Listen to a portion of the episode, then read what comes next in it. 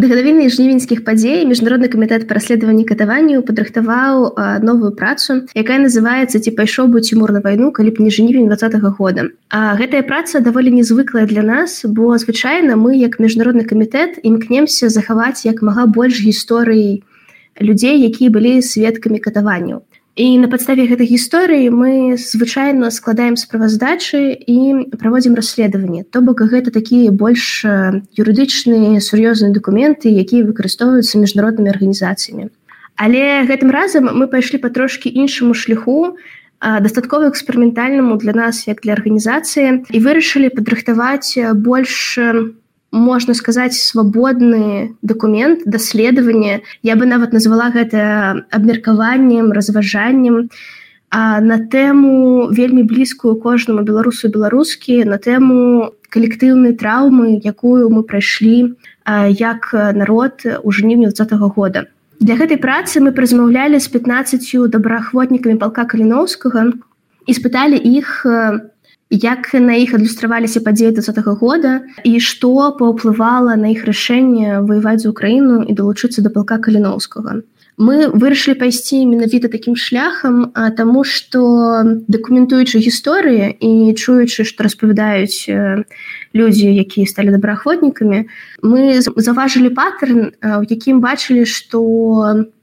шмат хто кажа з добраахвотнікаў, што на іх паўплывала ну, не только паўплывала але што яны сутыкнуліся з катаваннямі асабіста і мы вырашылі трошки паразважаць над гэтай тэмай і разам з крызісным псіхолагам склалі апытанку праз якую вось размаўлялі з нашими 15 героямі а пытанне менавіта само праводзіў псіхатэрапеўт які працуе з палком каліноўскага дамян папоў і потым мы апрацавалі гэтыя адказы і склалі ўсё в у адзін вялікі документ І наша ідэя была ў тым, каб праз гэтыя 15 гісторый паказаць, як вось гэтыя жудасныя падзеі адлюстроўваюцца на жыцці на рашэннях звычайных людзей. То бок не толькі тых, хто асабіста сутыкаўся з катаваннямі, але і тых, хто, магчыма, быў сведкам, то бок іх блізкія сябры родныя праходзілі праз гэта. Ці хто нават проста заўсёды кожны дзень бачыць і чытаюць гэтыя навіны жудасныя у тэлеграм-каналах. Гэта можа гучаць як трохі складаная тэма, але мы лічым, што вельмі важна пра гэта размаўляць, а таму што асэнсаванне вось гэтай траўмы гэта адзін з крокаў да яе пражывання. А немагчыма, не пражыўшы траўму будаваць нейкую будучню грунтоўную. Таму мы вельмі запрашаем кожнага і кожную перайсці на наш сайт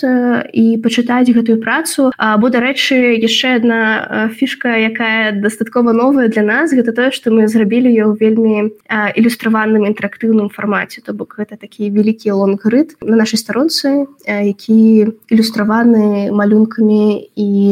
цікава оформлены то бок гэта магчыма будзе яшчэ і трохі цікава з такога эстэтычнага пункту гледжання Чаму міжнародны камітэт расследавання катавання ў Беларусі вырашыў звярнуць увагу менавіта на такое здавалася б невідавочнае дачыненне паміж перажытымі катаваннямі і матывацыяй узяць удзел у вайне ва ўкраіне. Мы выбралі такіх герояў тому что пасля пачатку паўнамасштабнага военнага ўварвання Росію в Украіну мы заўважылі вось гэты паттерн что шмат добраахвотнікаў распавядаюць пра свой траўматычны досвед. І як бы мы дакументуем гісторыі катаванню і у тым ліку атрымліваецца дакументавалі гісторыі добраахвотнікаў з палка каліноўскага. І вось так у калі мы заўважылі вось гэтую нейкую сувязь а мы вырашылі трошки глыбей капнуць і паглядзець ці сапраўды нейкая сувязь ёсць ці няма. Гэта не навуковае даследаванне. Мы не можемм сказаць что сапраўды вось ёсць крыляцыі что кожны чалавек якога катавалі вось ён гатовы ісці змагацца там сапраўднай сілай са зброяй і гэтак далей. Але что мы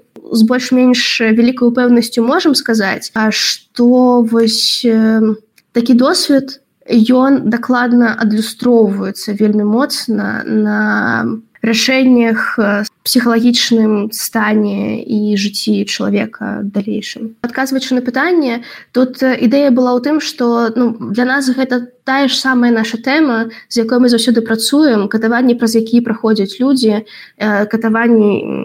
які яны бачаць але просто под трошки іншым углом под углом того як не просто каб захаваць гэты доказ а каб паглядзець як гэта ўплывае на іх жыццё Ну і вось як эксперты ацанілі псіхалагічны стан э, тых хто на момант пачатку паўнамасштабнай вайны э, Росіі супраць Україніны вырашыў узяць э, удзел у гэтай вайне маючы пэўны там досвед катавання ў Беларусі. Глядзіце тут трошки ідэя была не ў тым каб паставіць ім нейкі дыагноз а тут больш гаворка ідзе больш пра грамадства цалкам. І вось калі казаць пра грамадства цалкам а, тут разам з псіхолагамі мы даволі упэўнена можам казаць пра тое што сапраўды нейкая калектыўная траўма з намі з усімі адбылася і што з гэтай траўмай неяк трэба і варта працаваць. І мець на увазе што трэба калпаціцца кожнаму кожны пра свой псіхалагічны стан і гэтак далей. Бок не тое каб гэта нейкае навуковае даследаванне в якім мы даём ацэнку і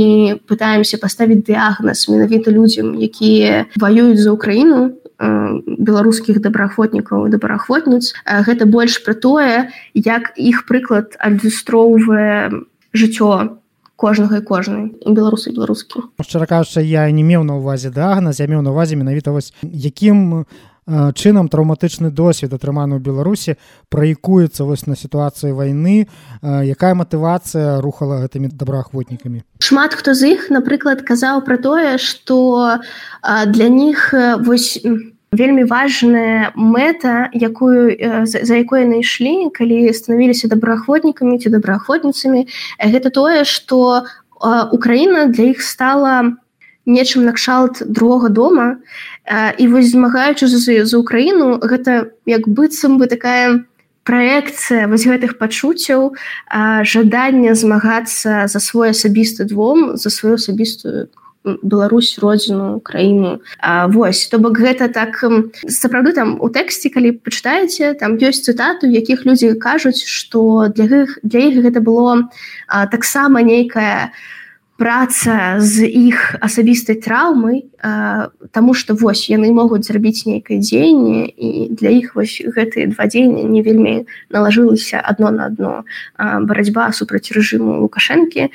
і барацьба вось за Украіну якая стала для іх другім домам А ці змяніўся псіхалагічны стан удзельнікаў вайны якія мелі э, траўматычны досвед у пасля падзею ў беларусі вось калі яны сталі ўжо ваярамі? Цяжка сказаць таму што вайна яшчэ не скончылася і ўсе гэтыя наступствы яны маюць вельмі доўгатэрміновы характар. У нас не было такой мэты вызначыць як з канчатак гэтага іх стану потому что ён яшчэ бы працягваецца. То есть все гэтай падзеі на яшчэ доўжыцца я думаю что про гэта можна будзе размаўляць уже калі ўсё скончыцца. А як гэта паўплывала ці дапамагло ці змянілася. Але ну шмат хто з герояў казаў что так для іх гэта было а, вельмі ратавальнае пачуцце что яны змаглі хотя б нешта рабіць. Як на ваш погляд можа быць выкарыстана гэтае даследаванне грамадствам? Гэта даследаванне яно не носіць навуковы характар то бок напэўна галоўная мэта гэта звярнуць увагу і падкрэсліць вось гэтую праблему псіхалагічнага стану грамадства.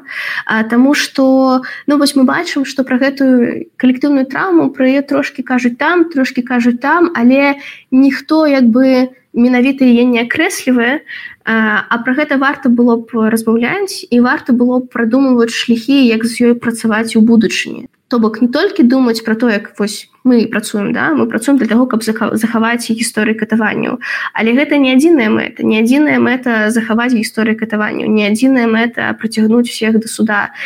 Таксама вельмі важна будзе яшчэ і тое что калі суды пачнуцца напрыклад вельмі важна будзе яшчэ і захаваць псіхалагічны здаровы стан ахвяр катаванняў сведкаў катаванняў тому что ім будзе вельмі цяжка пражываць паўтараць гэта ўсё яшчэ раз. І таму пра гэта трэба думаць і клапаціцца ўжо зараз. А, і яшчэ я бы сказала пра вось такую ідэю з якой магчыма было б цікава гэтае даследаванне выкарыстоўваць. Магчыма гэта вельмі якасная прылада каб паказаць сваім знаёмым якія не з беларусі тое аднім документам праз што вось беларусы беларускі прайшлі. Пра то як на гэта гэта на іх уплывае пра то як гэта ўплывае на іх стан і жаданні падтрымліваць украіну. Гэта даследаванне на выйдзе у на рускай мове на беларускай мове зразумела і на англійскай мове то бок ну, сапраўды можна выкарыстаць каб амаль каму заўгодна ў свеце патлумачыць што з намі як з грамадствам адбываецца